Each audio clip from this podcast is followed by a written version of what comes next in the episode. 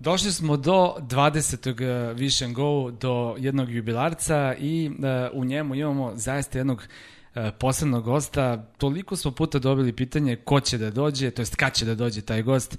Evo, došao je konačno. Ja bih tako sad dao jedan onako zlobni uvod, ali pošto Ivan ovaj, krenuo da, da već u poslednje vreme to radi, Ivane, izvoli ti na svoj način predstavi gost. Ja sam pripremio još zlobni uvod. O, odlično. Nadam se da se neće naljutiti, ali... Ne, treba ne da bi, se naljuti, ne bi da trebalo. Malo, isprovociramo. malo, Ok. dobro. Dakle, ovako, situacija je sledeća. Legenda kaže da je Michelangelo ovom čoveku izbacivao lopti iz korpe. Iako to njegova seda, brada, zapravo potvrđuje, to nije tačno. Uh, Michelangelo, naravno, renesansa i predstavnik italijanske renesansne škole, međutim ovaj čovjek je zadužen za uh, renesansu srpskog tenisa i kao što je uh, Michelangelo oslikavao svod Sixtinske kapele, pardon, tako je Nenad Zimonjić oslikavao novo rađanje srpskog tenisa. Ziki, ćao, dobrodošao. Uuu, Jel okej? uuu. Jel okej? Kakav je bio. Ja sad da kažem da nam Ziki na početku razjasni dilemu, pošto čujem da je bio na dvoru kada je nastao tenis, kako je zapravo tenis tačno do- dobio ime. Šta sam bio? da si bio prisutan na dvoru kada je nastao tenis, kako je zapravo tenis dobio ime. Sa Lujem 14. Samo sa Henrijem od od 15. Na... E, kad smo toga, izvini, znaš zašto je kao tenis, zašto se zove tenis? Znate to? Šta kaže Te ne, kao Tako šaka, dlan i to. A, ne, nego pažnja. Pažnja, Da, tako? kao kad se, pošto je nastao navodno na francuskom dvoru, uh, igrač dok se spremao da servira, uh, imao je obavezu da kaže te ne, kao pažnja, i onda kasnije kad su Englezi to Britanci prisvojili, kao što su se živo prisvojili naravno, onda su oni to onako ovaj, zapravo ovaj, nadenuli naziv tenis. Eto, Lepo, uvek se nešto novo sazna. tako je. Hvala Ziki, više. ćao, kako si? Ćao, super, super. Dobrodošao sad sa Divčeva pravo i u tvoj kraj, je li tako? Ovde se osjećaš posebno kada dođeš. Da, emocije su neverovatne jer sam ovde išao u osnovnu školu Starina Novak, ovuda sam prolazio svaki dan uh, posle škole kada sam trenirao na Zvezdi, odnosno na, kod stadiona OFK uh, Beograd i prelepe, prelepe uspomene, detinjstvo, druženje sa vršnjacima, stvarno davno nisam bio ovde u ovim krajima. Eto. I imao se sreći sa parkingom. I imao sam što sreće. Baš ispred škole. Što je, što je velika redkost. Boga mi se. Počet... Kuriozitet. Tako, tako je. Ziki, došli si sa Divčibara, ovaj, odmorio si se malo, mada naravno u poslednje vreme nemaš toliko obaveza kao nekada, nisi više toliko igrački aktivan, ali kada nas je neko pitao pre neki dan, čekaj, Ziki dalje igra, zapravo ja kažem, pa igra, znači čovjek se dalje nije prosio definitivno, to je zaista kuriozitet. Jer, evo, 76. si godište, 44 pune godine i dalje nisi rekao zbogom tenisu, ali ajde, evo, upravo zapravo, dok smo sedeli ovde, si otkrio koji je najveći razlog, zašto si i dalje ostao u ovoj priči? Pa ima, ima više razloga. Prvi razlog je to moja ljubav prema sportu, prema tenisu, prema takmičenju. To je razlog zašto sam počeo da se bavim e, tenisom. Imao sam prilike kao e, dete da, da probam druge sportove. Drugačija su vremena bila nego što je danas. Napolju sam provodio puno vremena, da li u školskom dvorištu, da li u kraju gde sam živeo, da li na teniskom terenu. I jednostavno kako je vreme odmicalo, ta ljubav je rasla. Sad, e, dosta toga sam ja u životu proveo sam, e, boreći se, tražiti neke načine da se bavim tenisom u vreme kada je to bilo gotovo nezamislivo, u vreme kada su ne, ne samo e, i moji roditelji imali finansijskih problema, nego i svi ostali, a na kraj pameti je bilo bilo kome da se bavi sportom, odnosno tenisom koji tada uopšte nije bio popularan i jednostavno ta ljubav i želja koju sam ja imao prema, prema tenisu me je dovela do ovde dokle sam došao danas.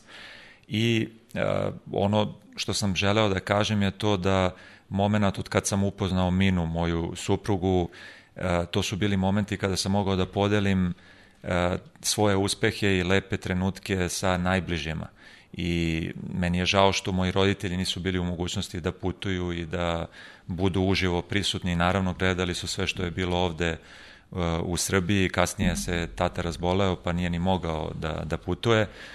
I, ovaj, i, i taj moment uh, da se podele ti, ti uspesi sa najvoljenijim, najbližim, kasnije kad, su, kad smo dobili Lunu i Leona, kad su se oni rodili, najlepši trenutak u životu, kao da se desila promena u jednom momentu, do tada sam bio sebi najvažniji, od tog momenta ja sam totalno u nekom drugom, trećem planu, e, to znaju oni ljudi koji imaju decu o čemu pričam, a taj moment e, njihovog sazrevanja i moment da su svesni šta se dešava i e, šta ja to radim i moment kada se Leon postepeno zaljubljivao u tenis i kada je imao prilike sa mnom i da ode uh, na teniski turnir, do slačionice, na teren, uh, imaju čak uh, fotografija koja meni u sećanju je kada se zagrevamo na, na, na terenima u Majamiju, gde radimo neki skip i da Leon oponaša to što ja radim, ali bukvalno, ja mislim da ima jedno dve godine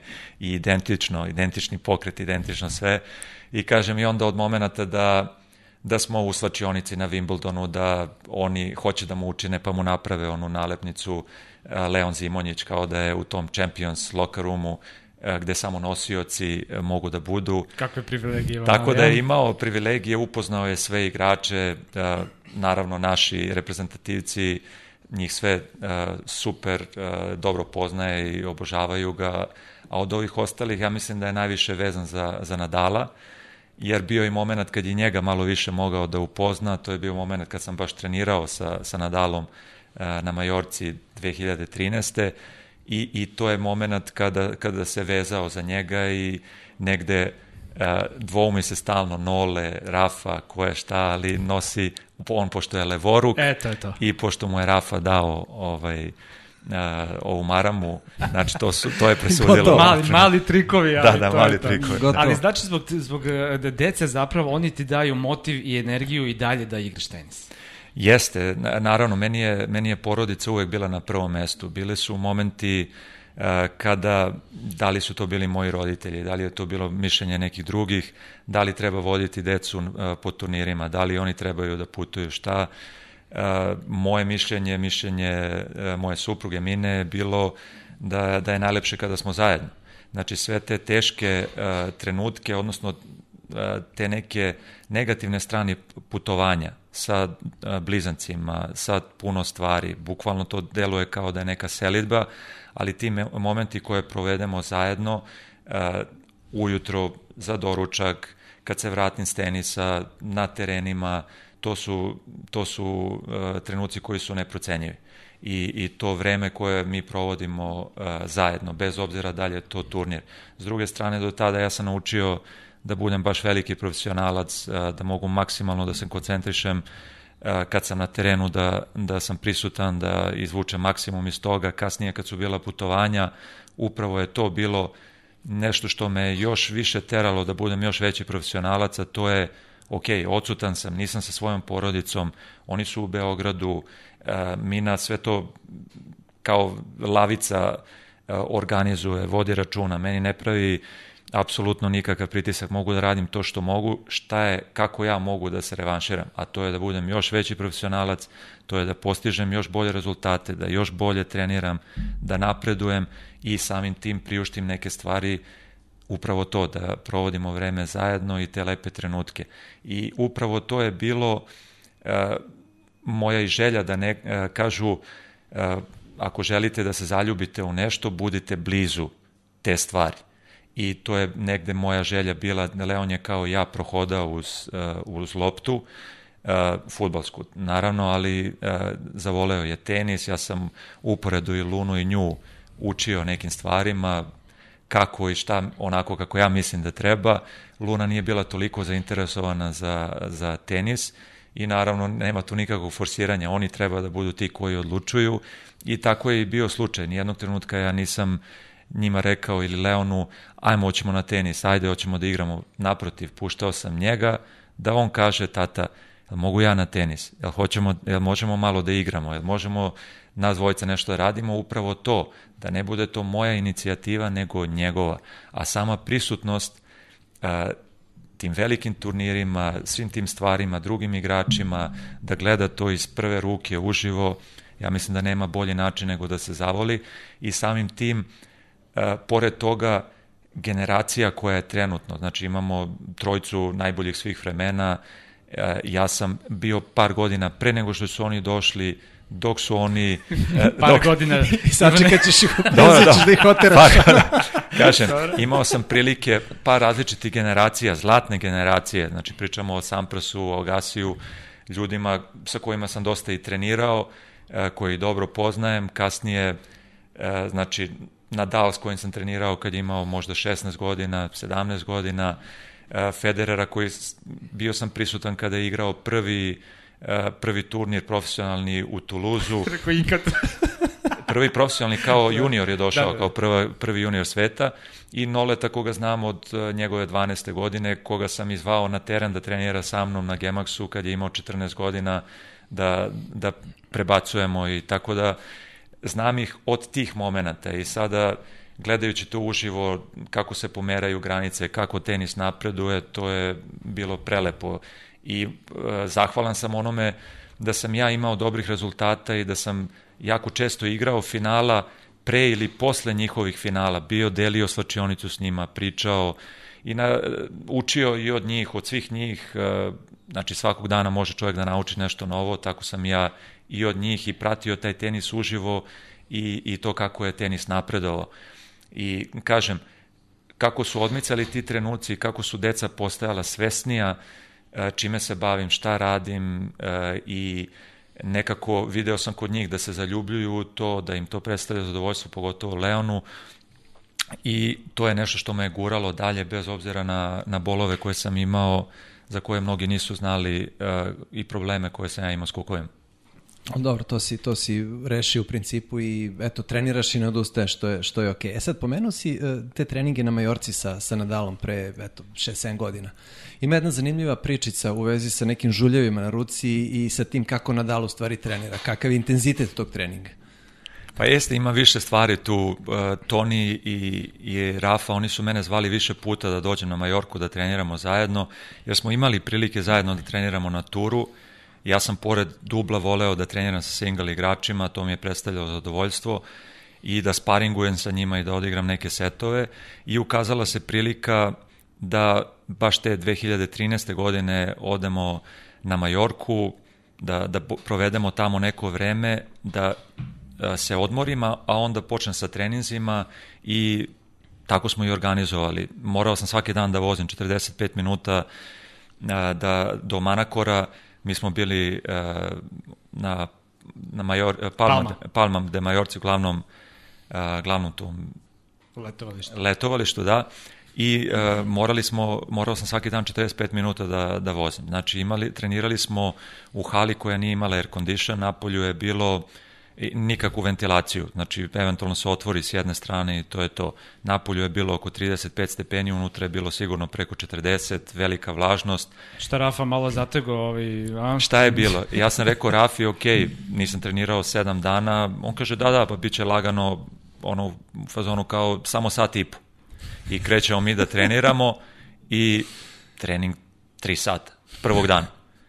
I onda sam ukapirao da je tih sat i po on mislio na štopericu sat i po aktivnog igranja sat i po. Bez sedenja. Na, na kraju, meni to nije teško palo, Toni se iznenadio kako sam ja mogao uopšte da pratim taj ritam i pitao je u trenutku kao pa koliko, koliko ti imaš godina kad mu je vlade rekao koliko imam, on se začudio kao pa baš si fit za, da, da mogu sve to da izdržim uh, sa njim interesantna priča ovu koju si ti uh, spomenuo, znači mi smo trenirali svaki dan, to je bio moment kada je on imao i problema sa, uh, sa kolenima, kada je radio razne terapije, nije mogao toliko baš da trči i uh, došao je moment zbog tog treniranja u tim uslovima gde je bilo toliko sparno, njemu je na levoj ruci puko žulj.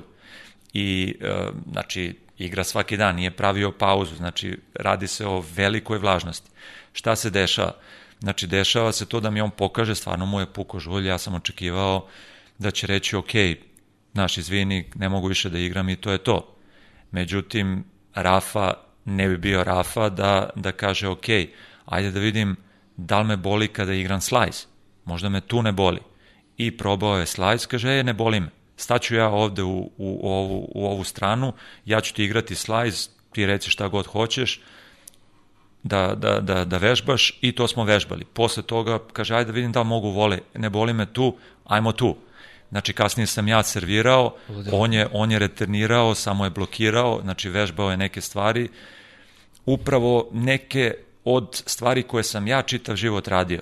Znači uvek svakog trenutka sam pokušavao da izvučem neki maksimum, kako god sam se osjećao na terenu, kako god sam se osjećao tog dana, da li je trening, da li je meč, upravo je to on uradio. Pokazao je jedno veliko poštovanje prema meni u smislu vozio si 45 minuta, došao si ovde zbog mene, ok, ja ne mogu da treniram, ali ajde da ne propadne i tebi trening. Nisi ti kriv što je meni puko žulj. I, kažem, sa njim imam stvarno fenomenalan odnos i, i momak je baš, baš na mestu, velika zasluga i njegovim roditeljima i Toniju koji, koji je bukvalno toliko vremena proveo sa njim. Meni ostala ta neostvarena želja, dogovarali smo se da odigramo par puta smo se dogovarali da odigramo dubl zajedno i tri puta se desilo da se on povlačio sa istog turnira, ne samo iz dubla, nego i iz singla, tako da nismo nije uspeli da suđeno, nije nam bilo suđeno. Ali desit će se. E sad, pomenuo si, pomenuo si Kukove i, i Vladu. Ajde ti U pričaj, principu samo već neko do... vreme... Samo kaži ko je Vlade, pošto ljudi... Vlade Kaplarević, e, Ziki će da objasni, on je inače jako stidljiv, e, momak iz, iz Atenice pored, pored Čačka. Uh, ili, ili Čačak pored Atenice, kako to može? Mislim da je on onako ponosan lokal patriota. Uh, vodi računa o tvom telu već onako godinama unazad i u principu posebno je naravno fokus bio na, na kukovima i tako dalje, ali rekao si bolovi su bili u jednom momentu neizdrživi i morao si pod nože. Um, jeste, Vlade je baš dosta vremena proveo pro, pored mene, ja bih rekao nekih 8-9 godina, uh, poslednjih 5-6 uh, mnogo intenzivnije i putovanje i svega. Vlade je kondicioni trener, moj veliki prijatelj i super smo se družili i super vreme provodili zajedno. Ja sam se trudio njemu da pomognem, on, je, on se trudio meni da pomogne. S jedne strane je pokušavao na najveć, najbolji mogući način da mi pomogne, a to je isto bilo time što će se edukovati kao fizioterapeut i Klaus Eder koji je čovjek koji je meni puno pomogao u karijeri, koji mi je e, rešio problem lakta koji sam imao godinu i po dana, kasnije pomogao e, vezano za moje kukove da prolongiramo tu e, karijeru koliko god je moguće, navodeći nas, objašnjavajući koje vežbe, šta bi trebali da radimo, kakav odporavak i vlada je to stvarno fenomenalno, maksimalno profesionalno odrađivao. Koja je, koja je stvar bila ja sam znao koji problem imam i u pitanju je genetski problem, u pitanju je nešto sada kada vratim film od nazad, to je nešto što je počelo od moje 17. 18. godine. Znači, taj proces, nije to preko noći bilo. E, tenis s jedne strane dalje ubrzao, nije ubrzao, može da se gleda na, na različit način, ali s druge strane to što sam bio fizički izuzetno spreman, to mi je pomoglo da igram ovoliko koliko sam igrao. Problem je počeo sa desnim kukom i uh, baš se desilo uh, na Wimbledonu 2009. godine, uh, znači posle četvrtfinalnog meča bio sam u stanu uh, koji smo rentirali, uh, probudio se i kao da mi je zabio neko nož u preponu desne noge. Ja nisam mogao da pomerim, ležao sam na leđima, nisam mogao da pomerim nogu uopšte, da je podignem sa kreveta. Otišao sam do fizija, uh, ATP-a, glavnog tamo fizioterapeuta, oni su mi rekli moraš da uradiš snimak, uradili smo magnetnu rezonancu, uh, ovaj CT scan, uh, uradili smo i ovaj, pa diagnostiku kompletno, celu, da. da i ustanovilo se da imam veliki problem sa oba kuka, da je desni u lošijem stanju, da čovjek mi je rekao da sam te zatekao sa ovakvim kukovima da imaš 20 godina, ja bi te odmah operisao. Ali pošto si sada tu 32. 33. godina, taj proces rehabilitacije je 4 do 6 meseci, 50-50% e, je šansa da će ti pomoći ta procedura koju bi ti inače uradili, a to je otroskopijski bi se ušlo unutra, očistilo bi se taj koštana izlestilna koju sam ja imao, imao sam i smanjenu uh, količinu hrskavice, ispod 50% je već tada bila, ograničeni pokret, uh, mnogo, uh, mnogo kompenzacije sam ja morao već par godina unazad da imam, međutim kako se to prolongiralo, znači sve je bilo lošije i lošije. Sa desnog kuka je prešlo na levi, meni je bilo zabranjeno šest ili sedam godina unazad da džogiram. Ne da trčim, nego da džogiram lagano. I ja, pošto sam ja ranije voleo baš da trčim i e, ovako, to mi je nek, predstavljalo zadovoljstvo, imao sam i vučaka kog sam istrčavao svako, svako veče, nakon treninga i tako dalje, i to je nešto... Je to Doni, izvini? Doni, da, i to je nešto u čemu sam uživao baš, i to mi je bilo zabranjeno. U jednom ne mogu da radim nešto što volim, ne, ne mogu da trčim, ne mogu da treniram kako hoću, kako želim, ali ok, morao sam da nađem načina kako dalje kako da prolongiram i kako da se nastavim da se bavim dalje tenisom, da radim ono što volim. Šta je interesantno, e, tog istog fizioterapeuta koji je glavni fizioterapeut u, na ATP-u, ja sam ga pitao u jednom trenutku, jer su me oni svi gledali u čudu kako uopšte mogu da igram. Ja sam ga pitao, ok, e, gde su moji kukovi u odnosu na druge igrače?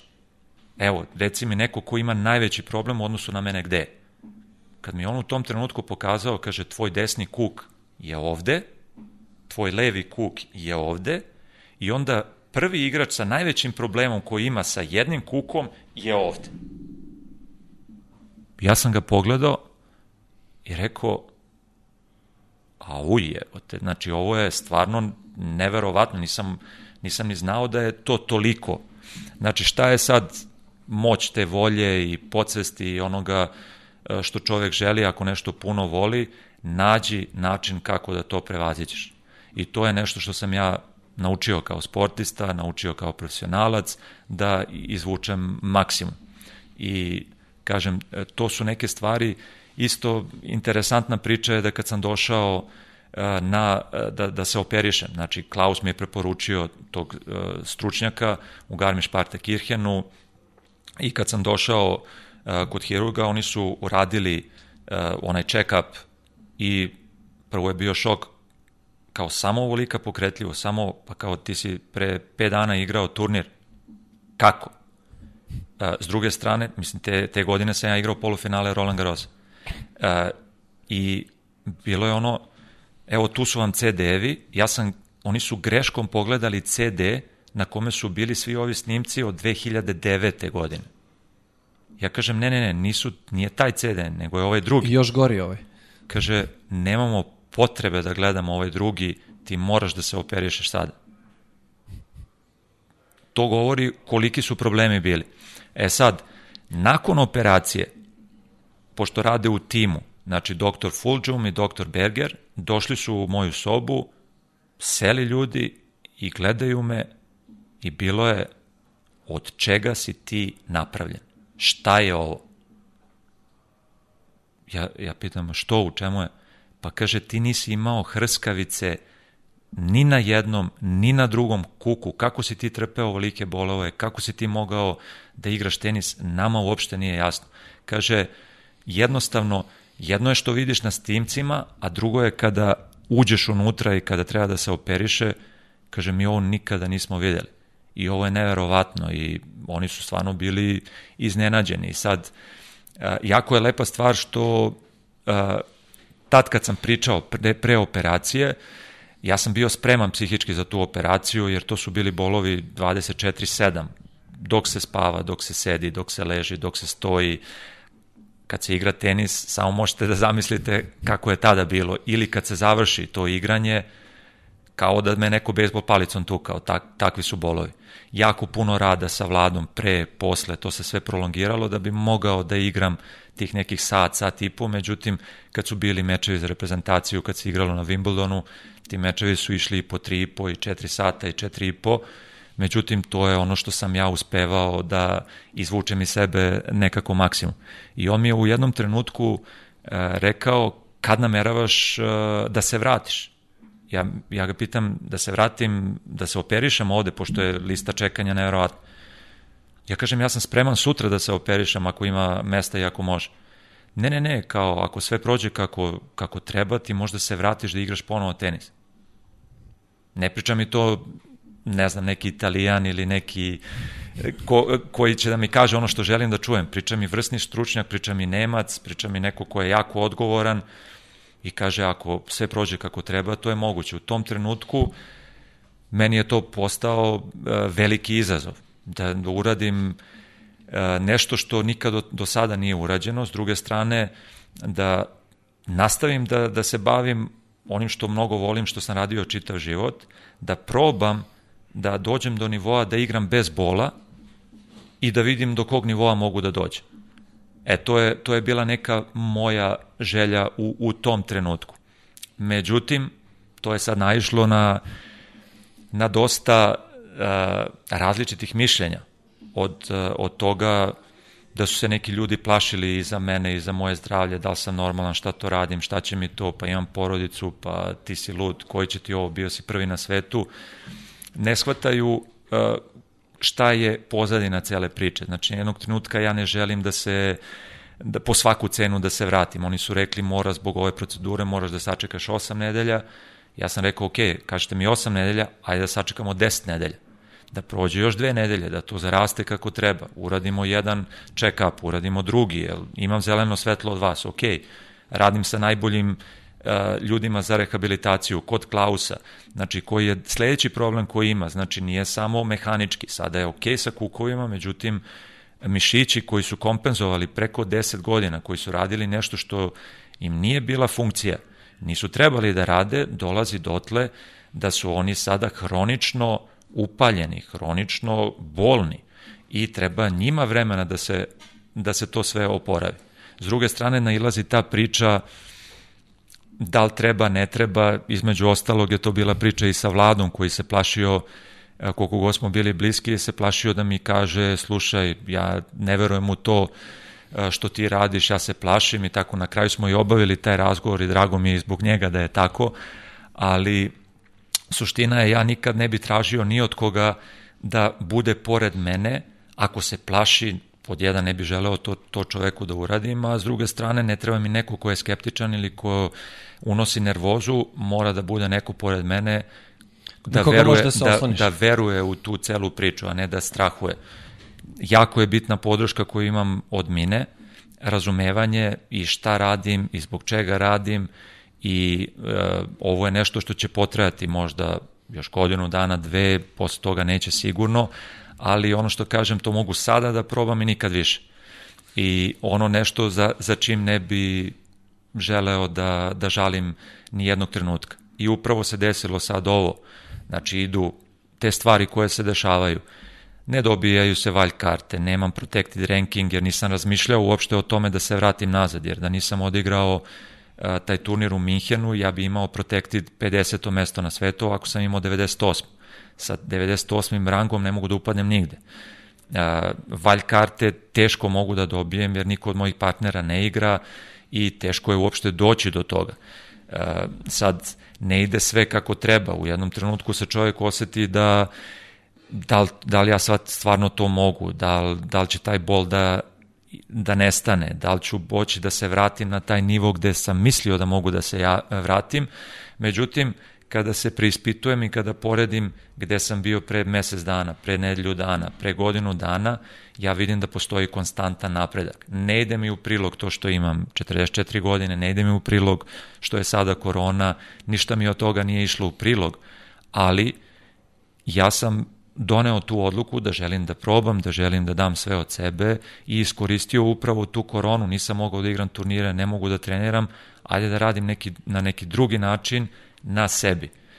S druge strane, vreme koje sam proveo sa svojom porodicom, sa decom je neprocenjive vrednosti. Mislim da je, da je to najlepši moment uh, koji, sam, uh, koji sam imao prilike zato što smo bukvalno 24 sata bili zajedno i e, koliko je njima bilo lepo, bilo je i meni i stvarno uživam u svakom trenutku koji, koji dolazi. Ja vidiš, ja pokušavam Višku da, da objasnim jednu drugu stvar već onako emisijama unazad, ali ti ćeš sada da mi pomogneš. Baš pre neki dan, ima možda desetak, 15 dana, Leon je igrao na jednom terenu, ti si bio tamo, ja sam sa mojim klincima igrao na drugom terenu i posle smo komentarisali malo levorukost, desnorukost i tako dalje. E, Leon igra levom rukom, Marko moj takođe levom rukom. E, objasni Višku zašto je bitno u tenisu biti levoruk.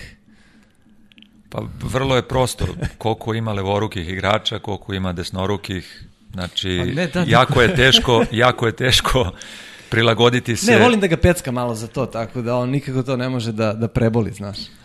ne, ne znam šta je bila pojenta nekako, ovoga. Ali... Nekako, nekako meni, levo, uh, kad gledamo levoruke igrače, deluje sve da oni lepše rade nekako, da je lepša ta tehnika, ali opet, to je prednost zato što ih ima manje, lakše se adaptiraju, zato što non stop treniraju sa dešnjacima, dešnjaci u povremeno odigraju sa levoruke? E, bilo je bilo je retorički, mislim naravno svi znamo zašto su levorike nezgodni, ovaj neću sad da ga šalim. Jel to nešto naravno, između malo. vas dvojice da ga igrate? Možeš da rezultat prošlog meča, recimo pitaj ga koji je rezultat prošlog meča.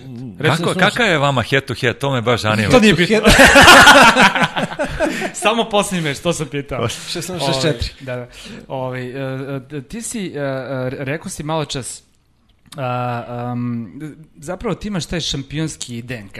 To je ono što tebe gura. Jedan od razloga zašto ti dalje toliko traješ. I zašto tvoje ime zaista, ali sad bez šale, tebi će možda biti neprijatno, ali kad se tvoje ime izgovori negde na napolju, na nekom turniru, to je ogromno poštovanje. Znači, Ziki, Zimonjić i tako dalje, bukvalno sa vrata, sa vrata otvera.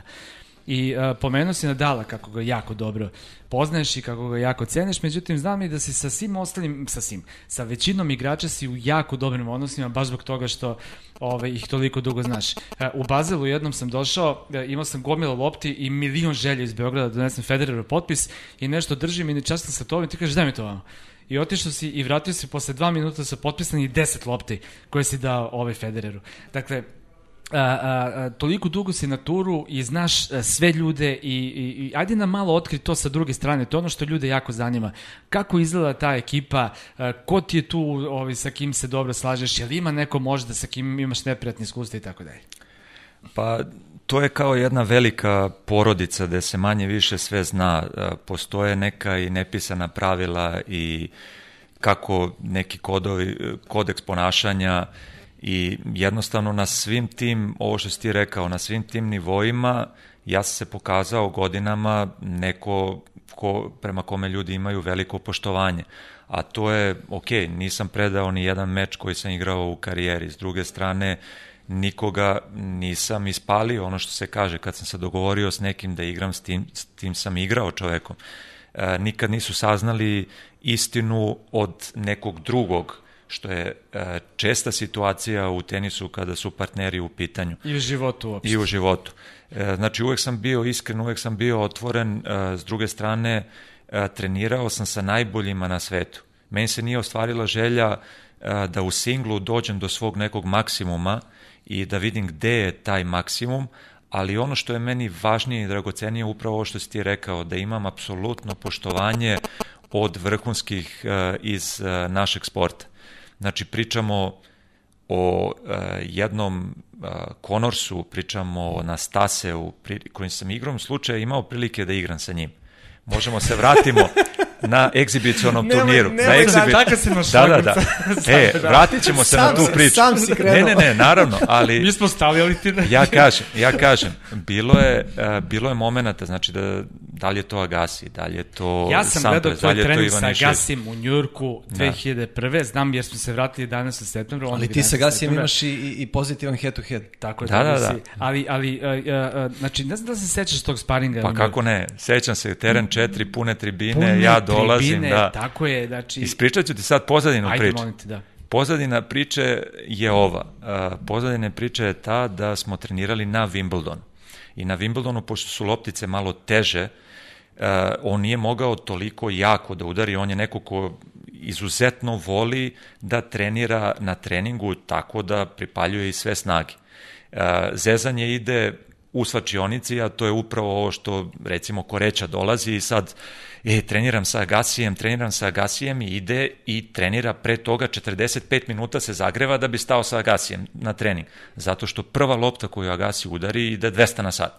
E sad, ja sam neko ko se ne plaši na voleju, ne plašim se brzine, ne plašim se lopte i njemu je to i idealno jer ja sam mu tu kao meta i on pokušava i sve snage da me pogodi ako može i na Wimbledonu se toliko nervirao zato što nije moglo, teške su lopte i ne može da udari toliko jako, ja sve to vraćam bez problema.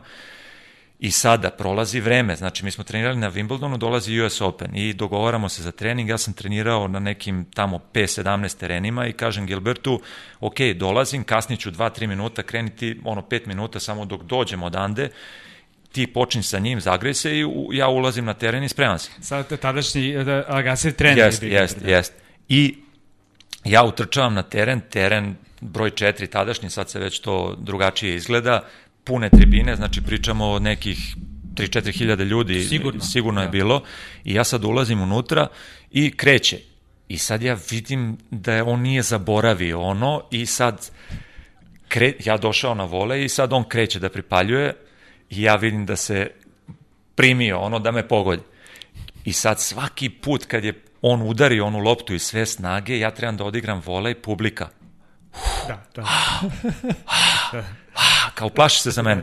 U jednom trenutku ja se pomerim malo jer lopta išla u aut, nije u aut, išla je u žicu direktno, ovako, uf, se zakucala takom brzinom i jednostavno i tu se iznervirao što nije, nije mogo da me pogodi, ali kažem, ima, ima interesantnih stvari, ja kažem, od svih njih sam uh, puno naučio, voleo sam... Samprasa si dobijao na sparingu? Samprasa su većina ljudi dobijali na sparingu, zato što se on nije toliko ni trudio, Aha. ali opet ima momenta i trenirali smo i na Wimbledonu više puta i bio sam prisutan tu baš kad se i povredio, kad je išao bukvalno bez da udari jednu loptu, kad je išao na teren. Sam pre se neko ko me i pitao da dođem sa njim da treniram u Kaliforniji, da budem kod njega kući i da treniram, međutim to je bila godina kada se prvi put naprav, je napravljen Gemax, ja sam jako puno putovao, znači nisam mogao da treniram u Beogradu, nije bilo uslova, betonski teren, mogu sam samo na razglednici da vidim ili na TV-u, ali to je bio moment kada kažem ok, mogu da budem sa porodicom, mogu da budem tu sa svojim kondicionim trenerom i e, Zoranom e, i, i to, je, to je nešto što je meni bila neprocenjiva vrednost. Uvek su te neke porodične vrednosti kod mene uvek uh, preovladavale. E, a kaži mi, uh, ok, sad smo načeli zapravo temu koja ljude jako zanima. Zašto, uh, koji je zapravo razlog što u singlu nisi napravio veći rezultat? Pa finansijski, naj, najviše je finansijski. Znači, uh, situacija je takva bila da ja sam kao verovatno ljudi ni ne znaju da sam ja u Jugoslaviji bio prvi, prvih do, do 12 godina na rang listi, do 14 godina sam bio u prvih pet, gde sam osvojio Master se igrao na kraju gde sam sve pobedio, to je bio moment kad sam menjao forehand, hvat koji sam imao i uh, onda sa 15 godina sam odigrao finale poslednjeg državnog prvenstva do 16 godina, znači sa godinu dana starijima u Zagrebu, izgubio od Orešića i mi smo išli na evropsko prvenstvo u Barcelonu. I to je bio poslednji turnir gde sam predstavljao Jugoslaviju tadašnju. I uh, posle toga konkurencija je stvarno u Srbiji bila jako, jako loša. Meni je bilo zabranjeno da igram uh, juniorske turnire, za reprezentaciju nismo mogli da Kako igramo... Kako zabranjeno, izvini? Zabranjeno, znači nisi smeo da predstavljaš svoju zemlju, znači automatski ako igram juniorske turnire predstavljam sebe, svoju zemlju, ne sebe, a ako igraš profesionalne turnire, igraš kao profesionalac i tu ne zastupaš nikoga.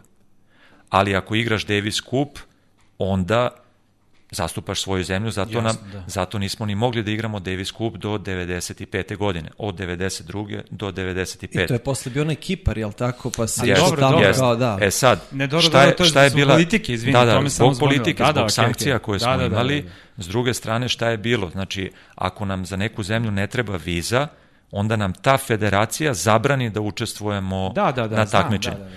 Znači, ja sam igrao, bio sam pozvan recimo do 16 godina kao najbolji 16 juniora uh, Evrope, odnosno sveta, da igramo na turniru u Francuskoj, ja nisam dobio vizu za to da igram, nisam dobio vizu za evropska prvenstva, nisam dobio mogućnost da igram evropsko prvenstvo u, u, u ovaj Švajcarskoj kad sam imao 18 godina. Znači, igrao sam uh, na, na par Grand Slam turnira, uh, i tu sam gubio od najboljih na svetu. Izgubio sam od Čalkena, drugo kolo na Roland Garrosu, 11-9, treći set, imao sam neke dve meč lopte, on je bio treći junior sveta, kasnije bio de, u top 10-u, na Wimbledonu 6-4 treći od uh, Galimbertija, jednog igrača koji je bio treći tada na, na svetu i od prvog Francuza na, na US Openu treće kolo 7-6 treći. Znači, bio sam stvarno u, u tom vrhu i zahvaljujući tome sam imao i sponzore koji zbog situacije su morali da odustanu i došao sam u situaciju da nisam imao više para, da moji nisu imali mogućnosti da mi pomognu, situacija je bila takva da su ljudi preživljavali, a niko nije razmišljao da nekoga sponzoriše u sportu. Pogotovo sportu koji nije toliko popularan, znali su ljudi za, za Moniku Seleš, za Bobu. Da, mi pričamo o sredini 90. godine. Pričamo, recimo, da, to, tako, da, tako o, o tim godinama pričamo i pričamo o tome da sam ja pet godina putovao sam po svetu kad sam imao 18 godina. Da sam igrom slučaja došao do čoveka i upoznao Roberta Segusa, e, igrača koji je bio prvi na svetu u dublu, koji je bio 16. u singlu, koji je igrao za američku reprezentaciju, koji je osvojio zlatnu medalju, neko ko je u dublu, u Seulu, neko ko je meni e, otvorio vidike. Ja sam odrastao na šljaci. Odrastao sam igrajući na, na svim turnirima na šljaci, znači kretanje na šljaci na betonu je totalno drugačije, tehnika je drugačija i on je neko ko, ko mi je pomogao puno s time da mi je razjasnio, odnosno otkrio mogućnosti kako sve može da se igra i šta može da se radi, ali morao sam da menjam tehniku, morao sam sve te stvari da radim. Znam kad se servis menjao, toga se sećam tog perioda. To, to, sa servisom, to sa servisom je bila neka druga priča, to je bila priča opet to, da trener koji je putovao tada sa mnom nije bio tu, došao je na neku ludu ideju, dva meseca, dva i po meseca me nije video i kao došao sam do ideje da, da menjaš servis. I totalno mi je poremetio ritam servisa, onda je bila varijanta da sam ja imao povredu lakta u tom momentu gde nisam mogao bukvalno da istreljam uh, kosu nakon tuširanja ili da perem zube, taj bol je bio i levo koleno me znači, bolelo. Znači higijena je trpela tih godina. I, nije, nije. I levo, I levo koleno e, me je bolelo. Međutim, ja nisam teo da odustajem, ja sam igrao i preko bola i gurao dalje sad kombinacija stvari, ne mogu brz pokret da napravim desnom, ne mogu sa leve noge da se odgurnem, promenio mi čovek tehniku u sred sezone, znači sve pogrešno i dolazi do momenta da ja od onoga gde mi je servis bio glavno oružje, dolazi do momenta da ne mogu više da pronađem Sećam servis polje, ne, ne tačku na servis polje. Gledao sam ti trening, to su lopte išlo u dno mreže. Da, pa zezali su se, Zoki se baš zezao na to da, da sam iz servisa pogodio predsednikovu ženu na, na tribinama, znači dotle idu te priče, ali opet kažem, na sve te probleme na koje sam ja nailazio,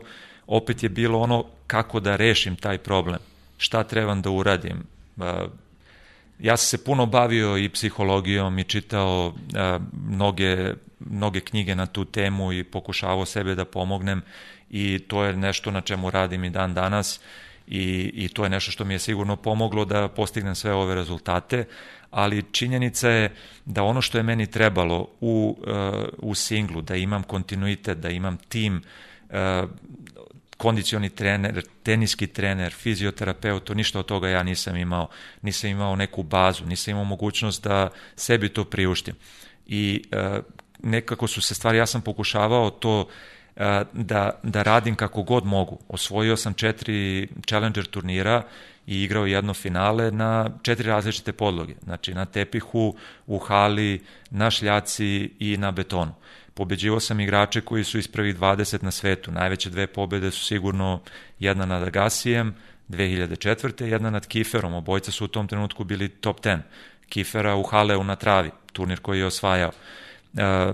E, to su, to su neki od mojih kvaliteta. Ali imao sam kontinu... to treće kolo Wimbledona, naravno, što je posebna naravno, priča. Naravno, to je, to je... I, tu je, i tu sam platio ceh e, neiskustvu i neznanju, jer nisam koristio, uh, imao sam problem sa laktom, odigrao sam jako puno mečeva, teške su lopte, tri kola kvalifikacija, odigrao sam prvo kolo u dublu u pet setova, e, pre toga sam dobio prvo kolo u četiri seta, dubl u pet setova, naredni dan single u četiri seta. Taranga da, pa onda sam igrao mixed double i onda narednog dana sam igrao taj meč protiv Guge, mog vršnjaka koji nije voleo kako ja igram i pobeđivo sam ga na treningu i radovao sam se tom meču, međutim, e, meni je, mene je ruka toliko bolela, ja posle prvog gema kao da sam imao 5 kila u toj ruci više. I, I to, kažem, to je taj ceh neznanja i da nemam nekoga pored sebe da, da mi kaže u tom trenutku, ja sam pitao šta treba i kako treba, međutim, taj fizioterapeut mi nije rekao pravu informaciju. Znači da trebam da uzimam te, neki, te neke lekove pot, protiv upale dok ne završim turnir. Ne ako me ne boli. pi dok igraš, dok si u turniru, kad završiš prekine. Kad struka kažem, zakaže, da. Ali vidiš taj Wimbledon 99. Meni je to ostalo u sećanju kao trenutak koji mi je nekako promenio percepciju celu vezano za tenis ovde kod nas. Jer ti znaš i sam, uh, zamisliti nekog našeg igrača da uopšte odigra meč na ATP turu je bilo nešto nezamislivo. I onda 99. dolazi, ja se tačno sećam, bio sam na Zvezdi, kod na Bogosloviji gde si ti ove ranije trenirao i dolazi informacija Ziki dobio prvo kolo Wimbledona. I ja rekao, ljudi, je ovo moguće? Dakle, to je bio bukvalno jedan trenutak kada sam ja shvatio da ipak eto može nešto da se uradi ovde kod nas. Brajana, majka Brajana si dobio kvalifikacijama. Poslednje kolo kvalifikacija, da. da. I onda si dobio, ne znam ko si dobio prvo kolo, neki prvo, taj rekao Dinu, Dinu Peskariju. E, e, da. Rumunski igrač jako, jako dobar bio je, ja mislim, prvi junior sveta ili jedan od najboljih juniora i njega sam dobio baš to što si ti rekao u četiri, u četiri seta, Eto. od toga tri možda taj brek. I onda, Jel si ti Jeff... siguran da i dalje hoćeš da mu prirediš kviz kako Hoću. dobro poznajem sebe? Hoću pa i to... Čuo i to... koji on mečeve yes, sada izvukao? Yes, ali Kažem, možemo odmah. Bi, peh koji je bio upravo nakon tog, nakon tog turnira, ja saznajem prvo dolazi igrač koji je iz prvih deset, Wayne Ferreira, i pita me da hoćeš da igraš dubl u Newportu. Meni je sad to bilo da me tako neki igrač pita, neverovatna stvar. Odlazim u Newport. Da li zbog uh, putovanja, promene. Prvo sam došao na taj Wimbledon već uh, nešto bolestan, zaboravio sam lekove koje sam nosio uh, iz Amerike. Te iste godine, 99. recimo nisam dobio vizu da igram na Roland Garrosu.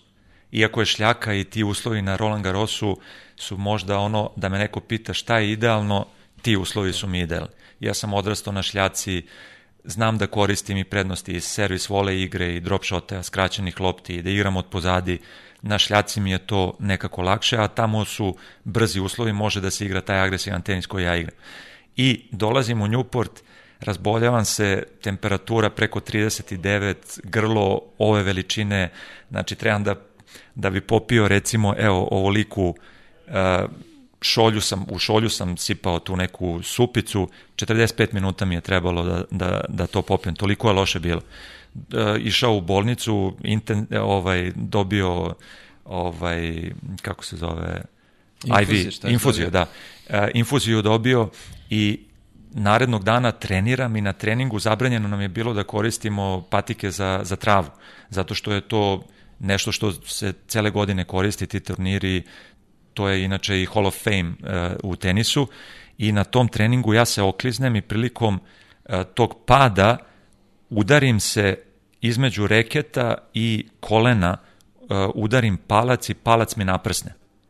Znači odem kod doktora opet stres fraktura i sada meni ni jednog trenutka nije bilo ono kao nema šanse da, da ne izađem na teren. Izašao sam na teren, odigrao sam, baš protiv Pajesa sam odigrao u singlu, Znači nisam znao gde se nalazim, ali sam izašao na teren jer prvi put da sam bio na glavnom turniru na ATP-u. To mi je bio prvi meč. Jeste da sam imao i temperaturu i sve, preko 35 prst. stepeni. Ne, ne, sledeći dan je to bilo. Aha. I sad je meni bilo ono kao, e, moram da probam, igram Wayne Ferreirom, pobedili smo prvo kolo i to smo pobedili Sandon Stolija i Maxa Mirnija, znači dva igrača koji su bili u jednom trenutku prvi na svetu. I sad igramo drugo kolo protiv nekoga koga opet trebamo da pobedimo, I, i ja sad kad govorim o ovom fiziju kao kako ja mogu da igram, kako ja mogu sledeći dan da igram. I on kaže, pa ne možeš da igraš, ti nećeš moći sutra da, da držiš čašu, a ne da, da držiš teniski reket. Ma ne, ne, hoću ja da probam, hoću ja da probam, međutim upravo je to bilo, znači nije, nažalost smo morali da predamo taj meč i znači to je par nekih pehova koje su se desile između ostalog i taj da osvojim turnir recimo u Andrezju da sam pobedio igrače za koje svi vi znate i gledaoci znaju e, jednog Mahuta, pa Oliver Rohusa, e, Lab, e, Lab, Labadzea, znači to su igrači koji su bili u 30 na svetu svi. Labadze bio prvi na svetu, isto junior. Da, e, znači sve njih sam dobio i onda sledeći turnir koji sam igrao, to je bio i prvi turnir sa Nestorom, znači iz Hale dolazim u Dubaji, slećemo u, u ponedeljak i igramo utorak, i igramo protiv tima koji je osvojio US Open i dobijamo taj tim i igramo finale te 2001. godine.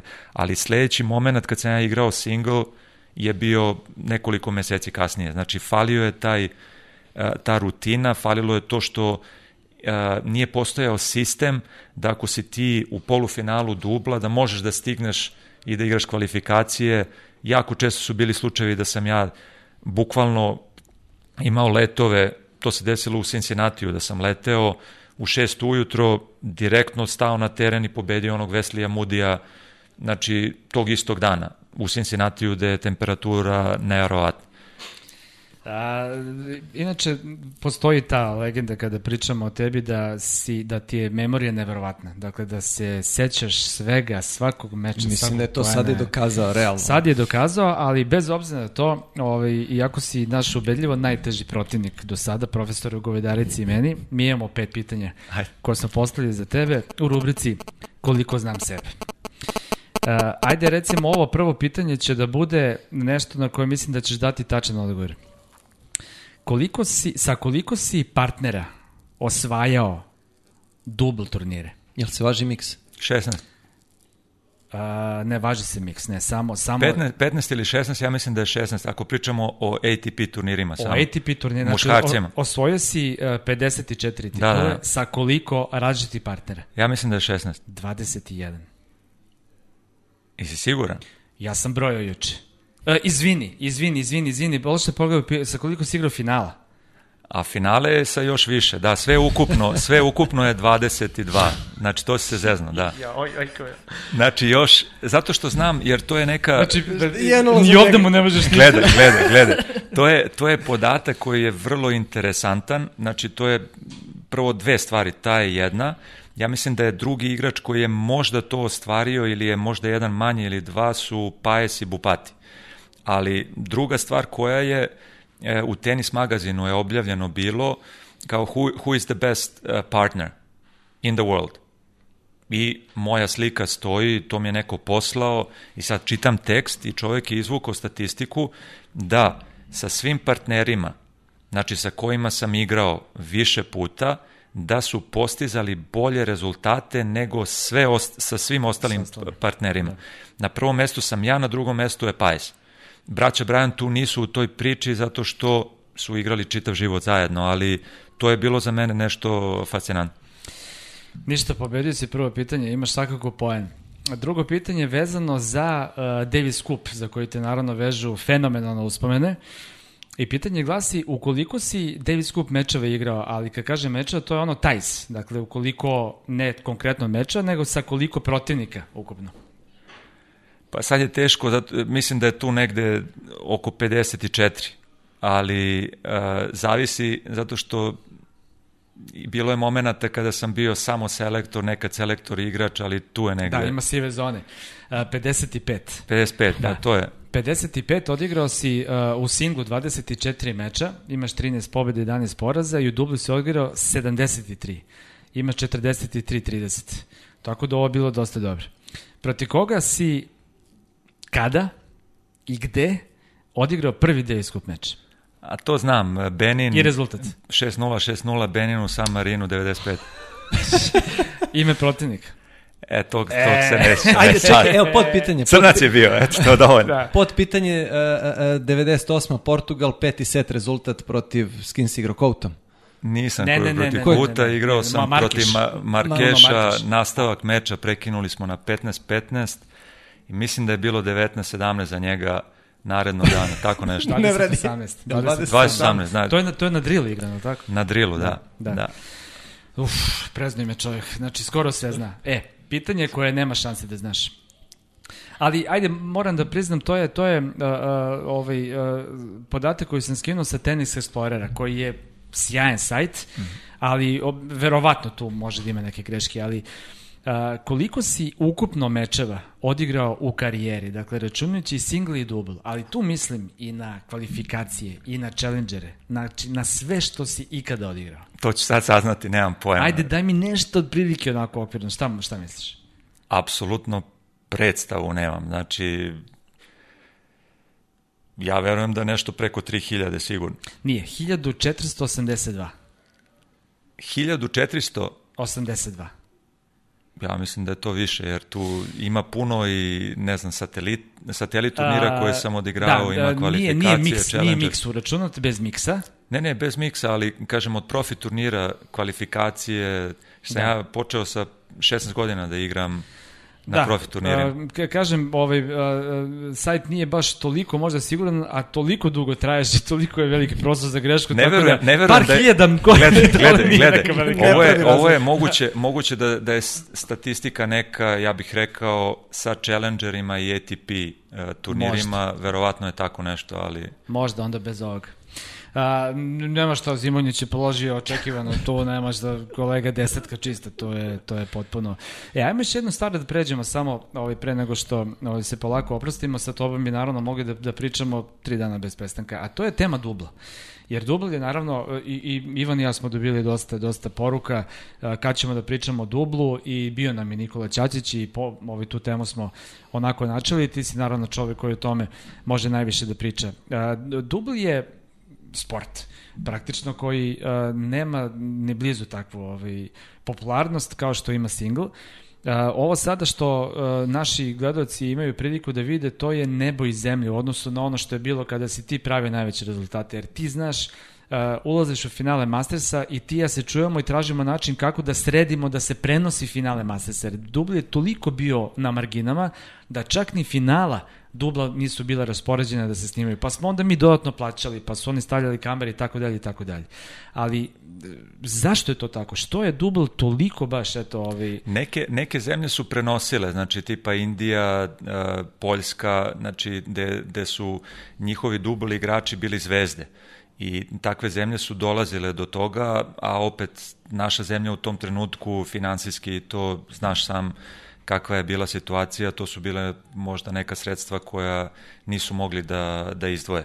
Ja, ja dubl sam uvek gledao kao kad bi otišli na neki, prvo je druga disciplina, to si lepo rekao, s druge strane kao kad odete na koncert i dolazite i sad su neke predgrupe. I tako sam ja shvatao, znači dubl treba da bude kao predgrupa, odnosno onome što sledi, a to su zvezde, to je ono što ljudi znaju, koje prepoznaju i da iskoristiš taj moment što će neko doći malo ranije, što ne želi da zakasni da gleda jednog Federera, Nadala, Noleta, Samprasa, Agasija i pogledat će neki dubl i reći a u, šta je ovo, kako ovi brzo igraju, šta se dešava, jer je totalno drugačije.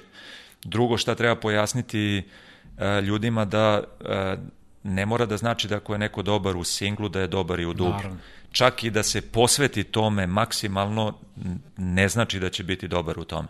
Zato što ne igra, nisu svi isti elementi i singla i iz dubla.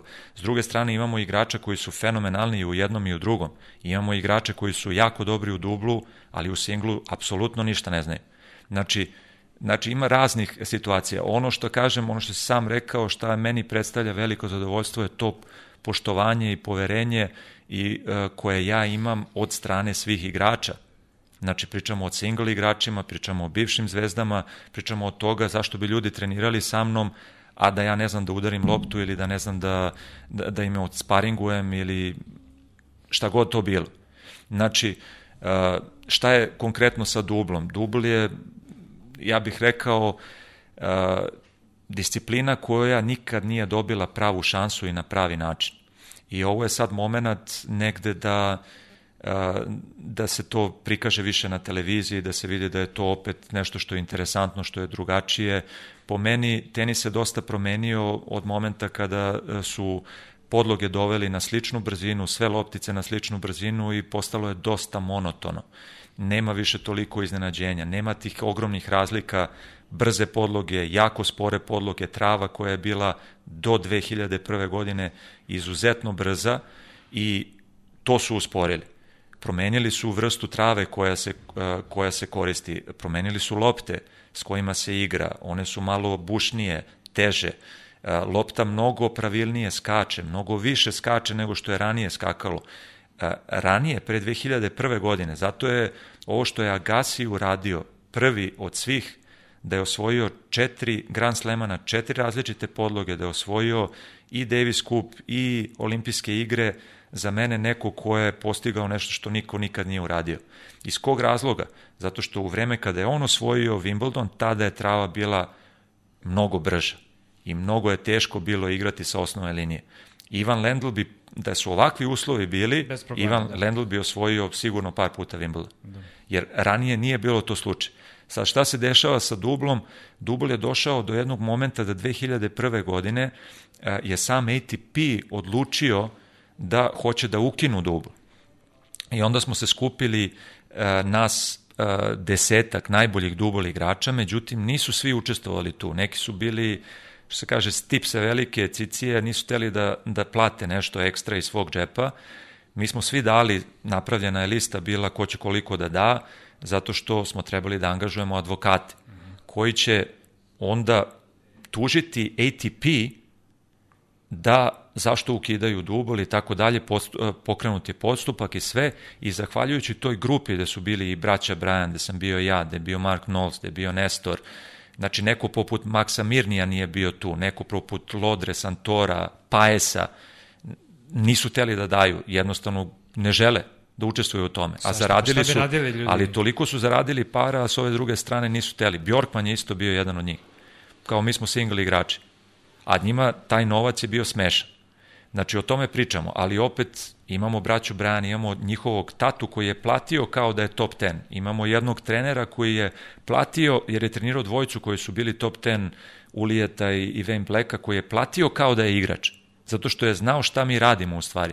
I mi smo, zahvaljujući tome što smo mi uradili, danas postoji Ko je to bila godina? 2001. To nisam znao. I onda sledeća, sledeća stvar koja je, znači pravila smo razna probavali sisteme, kako će se, šta će se održa, kak, pod, da li ćemo igrati do 4 gema, do 5, da li će se igrati dva seta, super tiebreak, šta će biti, sve, sve smo testirali, samo ono što su na kraju odlučili da bude, a to je ovo što, po čemu se sad igra, ni od kuda je tadašnji CEO rekao, e, Etienne se zvao, on je ranije radio za, za Disneyland, rekao je ja preuzimam na sebe odgovornost, krećemo ovako, two sets, no ad, super tie break. Znači, tako smo krenuli i posle toga nikakav se onaj survey nije uradio, Znači, ni, ništa nismo uradili, da li je to dobro, da li nije dobro, da li treba tako nastaviti, da li, zašto treba uh, onaj koji reternira da odlučuje Da bira. da bira. Po meni bi trebao onaj koji servira da bira,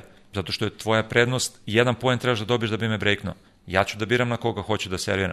S druge strane, to isto pravilo može da se u singlu koristi, ako se odluči jednog dana da se ubrza kao što, se, kao što je u odbojci bio slučaj, da se ne igra na prednost ali kažem sve ima neke e, prednosti i mane. E, Ovo je sistem koji je doveo dotle da od 10 mečeva dva tima koja, e, koja recimo mi smo bolji i pobedili bi neki tim po normalnom bodovanju kao što ide na, na, ovaj, na Grand Slamu, gde bi dobili 7-3 ili bi bio 8-2 head to head, u ovom slučaju bi bilo 6-4. Može da bude 6-4, zato što ima dosta faktora sreće u ovom slučaju to je sve napravljeno da bi single igrači igrali više. Promenjeno je pravilo da je njima dozvoljeno da single igračima da koriste single rang listu, da igraju dubl i to je jedan od razloga zašto sam ja morao da se fokusiram na dubl da bi obezbedio to mesto u prvih 30 na svetu da bi znao da mogu da igram na svim velikim turnirima jer mi je to bio izvor sredstava s kojima sam dalje putovao. To je najpametnija stvar koju se radi Da. u životu. To, to, to, to, to je nešto što mnogi nisu prepoznali i koji i dalje misle mogu, mogu, mogu single, u stvari ne mogu, ima i naših igrača, znam, koji su to tako razmišljali, umesto da su se fokusirali na dubl kao i ti i lepo da ljudi ovi, pogode onako da im padne sekira med. Dobro, sad, ja sad kažem, e, napredovao je tenis, zarade su daleko, daleko veće. Ja se sjećam kad sam sa Segusom pričao i kad sam osvajao po prvi put te neke velike turnire, kad mi on govorio, ja sam tada dobio ček na toliko i toliko, što je bilo daleko, daleko manje, sad je ista situacija. E, Znači, to je, to je nešto e, što je, kažem, menja se, napreduje i drago mi je da je tako. Šta je velika mana u tenisu, u našem sportu je što jako mali broj igrača i dalje može da kaže da na kraju godine je u plusu. Po, nakon troškova i svega. To je nešto što se nije promenilo.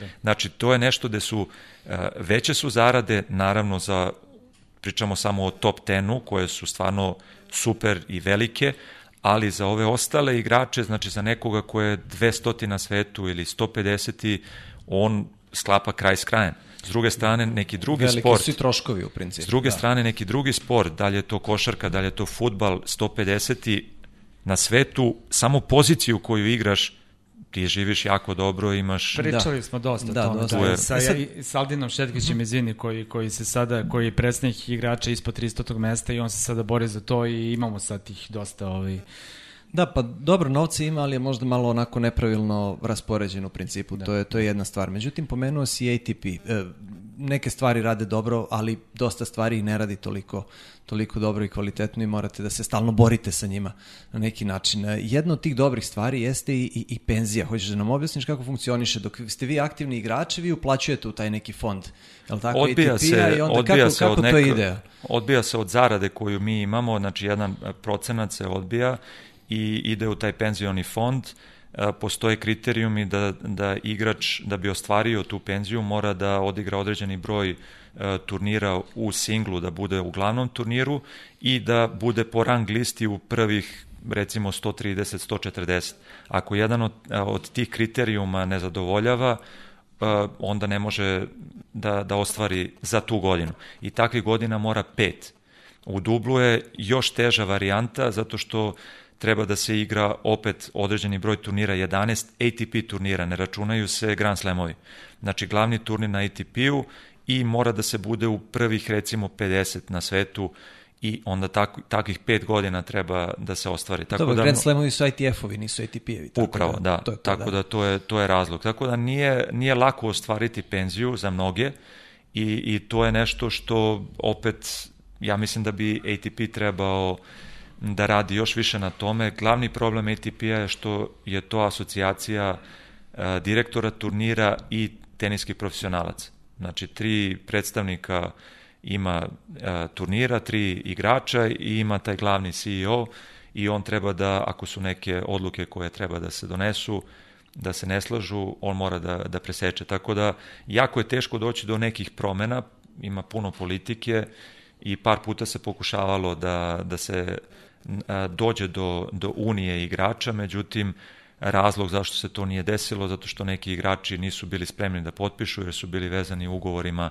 da li za federaciju iz zemlje iz koje su, pričamo o federacijama zemalja koje imaju Grand Slamove ili e, igrača koji su vezani da li za AMG koji je većin, e, većin, vlasnik većine turnira na, na turu. Tako da To je bio glavni razlog, ali ja verujem da će u budućnosti se naći način da igrači budu u još boljoj situaciji, jer uh, tenis je nemilosredan sport, jako je težak, uh, jako mali broj igrača uspe da se probije, uh, svi treniraju isti broj sati, isto se zalažu, ali jako mali broj njih uspe da napravi karijeru. S druge strane, što je jako teško, i, i što je stvar na koju, koju ljudi zanemaruju, a to je taj privatan život. To je taj, ta mogućnost da, da imaš normalnu vezu, da imaš normalni brak, da, da, da se ostvariš na, na svim poljima, što nije teško u tenisu zbog, nije lako u tenisu zbog čestih putovanja. I, I to je nešto na čemu sam ja izuzetno zahvalan i što sam bio u toj situaciji E, da, da sam mogao toliko vremena da provedem sa Minom i dok smo se zabavljali ili ona mogla da obavlja svoj posao preko kompjutera, preko telefona i da provodi toliko vremena sa mnom, kasnije da putujemo sa decom i, i to je što je e, nešto što je neprocenjivo za mene. Super u principu i da bude za kraj ove emisije i jedna sjajna poruka, ali naravno za sam kraj ćeš morati da nam ispričaš neku anegdotu kojih je, mogu da zamislim koliko bilo u tvojoj više decenijskoj karijeri. Ovaj Te, uh, ja bih rekao, ima ih, ima, ih, ima, ih, ima ih jako puno, a s obzirom da je Wimbledon turnir za koji svi na svetu znaju i čak oni koji ne prate tenis, san svakog tenisera je da igra na Wimbledonu na centralnom terenu, kamoli da ga osvoji, uh, tako i meni bio uh, slučaj i Imao sam priliku da 2004. godine igram finale i da u polufinalnom meču iskrenem zglob, uh, skočni zglob i da nekako uspem narednog dana da nastavim jer je kiša pala 2-3 dana, 2-3 minuta nakon tog mog pada i nakon što je fizio došao na teren, pa smo nastavljali baš protiv Nolsa i Nestora. Ja sam igrao sa Julian Olom, uspeli smo nekako da dobijemo taj meč i sad prvi izlazak na teren, nakon toga uh, ne bi izašao ni na jedan drugi meč da nije bilo Wimbledon finale. Ja sam jedva hodao, ali sam izašao na teren, mi smo izgubili nekako i u četiri seta od Woodbridgea i, i uh, Bjorkmana i to je bio prvi meč koji je ujedno uh, Mina gledala moj. Interesantan je podatak da prvih 17 mečeva koji me je gledala uživo, dalje bio single, Davis Cup, osvajanje Challengera, odlazak u Monte Carlo, kasnije Wimbledon, nešto što nikad nisam ostvarivao do tada. Prvi meč koji sam izgubio je bio taj na Wimbledonu kad sam jedva hodao.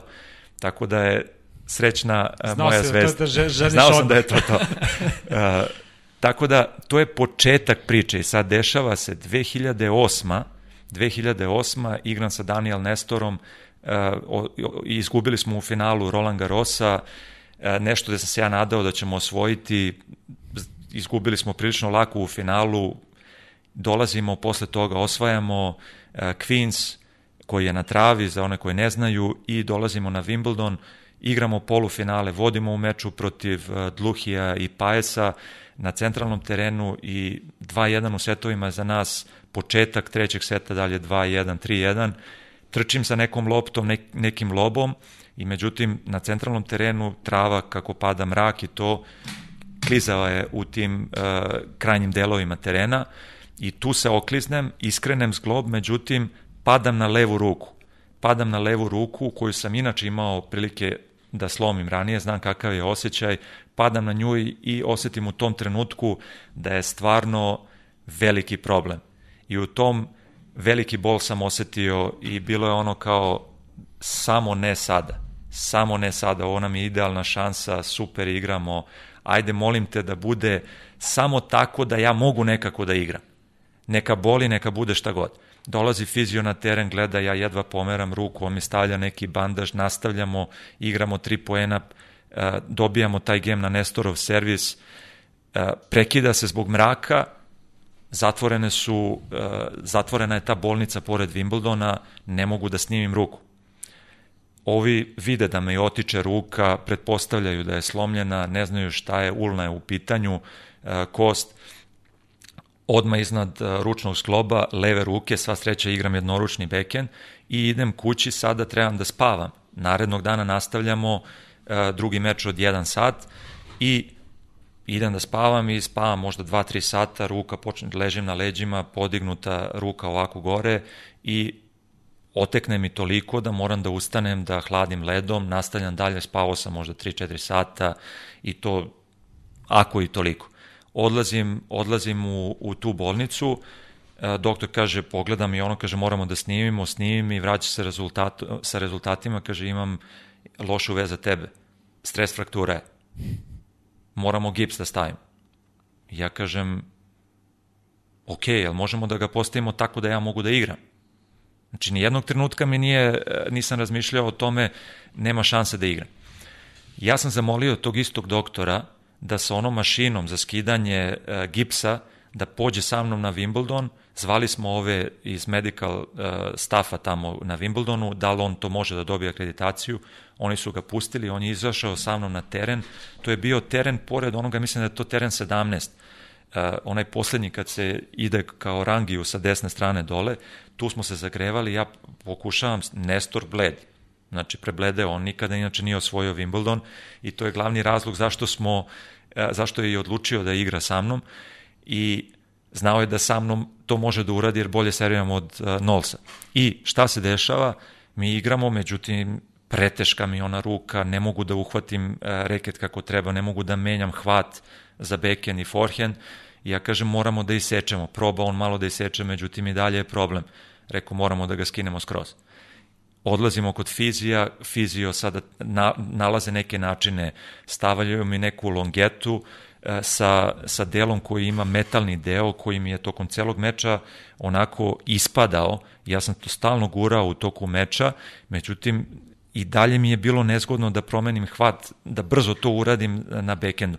Tek tak sam shvatio u stvari koliko je leva ruka zastupljena, iako je ne koristim, koliko je važna u tenisu i kod servisa, i kod uh, bekenda, i kod voleja, kod maltene svakog udarca. I sad one zvezdice koje ljudi vide onako kad su veliki polovi, to sam video tokom celog tog meča. Na kraju, taj meč smo polufinalni dobili.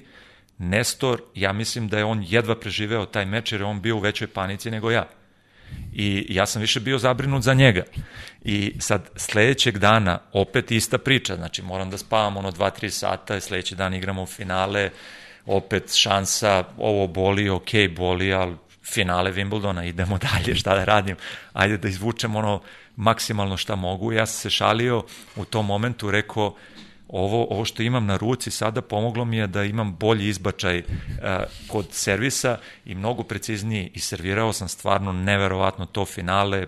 Greg Rusecki koji je prenosio meč je sam rekao kao igrač meča fenomenalno da mu se to desilo meni jako kasno u karijeri, znači kad sam imao 30 drugu godinu sam napunio, osvojio prvi put Wimbledon, to mi je bilo treće finale na, na Grand Slamu i najlepši trenutak koji sam mogao da, da, da podelim i to je prvi bio moment kada su kada su dozvolili deci nekog igrača da ih uvedemo na tribine centralnog terena. Nakon toga što su Leon i Luna bili sledeći koji je bio, to je bio Federer sa čerkama, pa onda su Noletu dozvolili.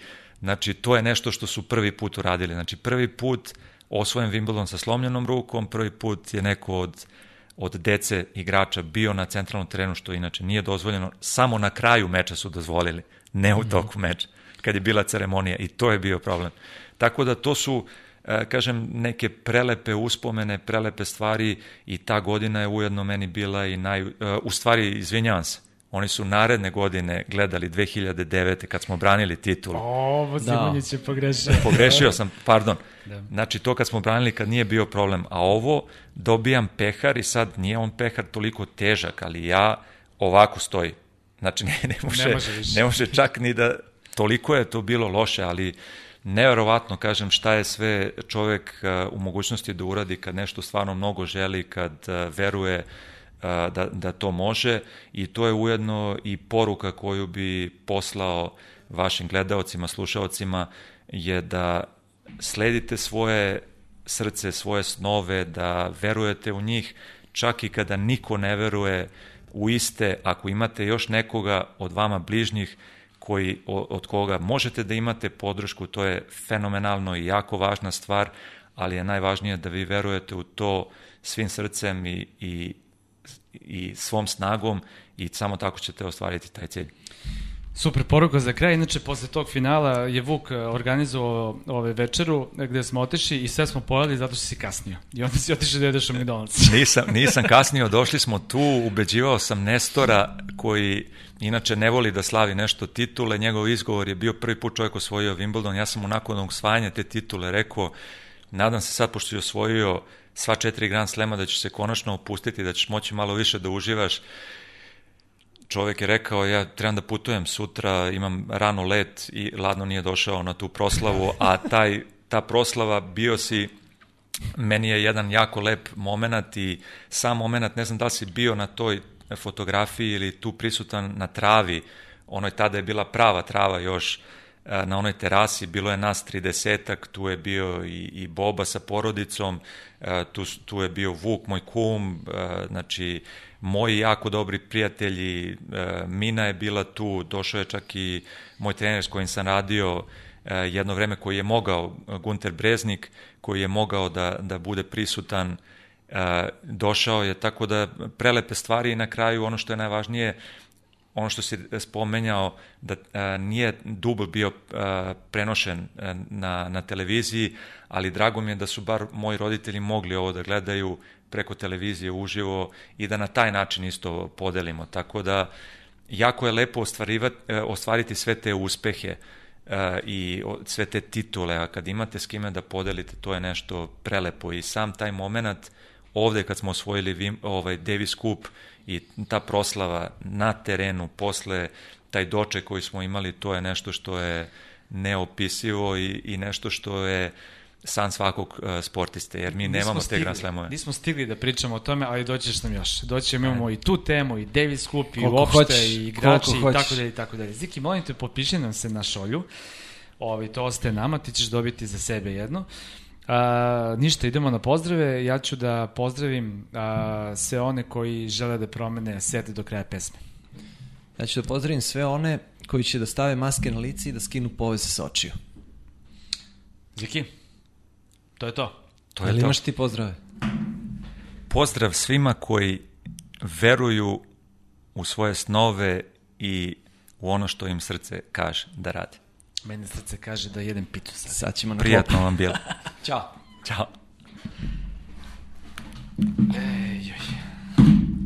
A ovo dobro vam izgleda, to je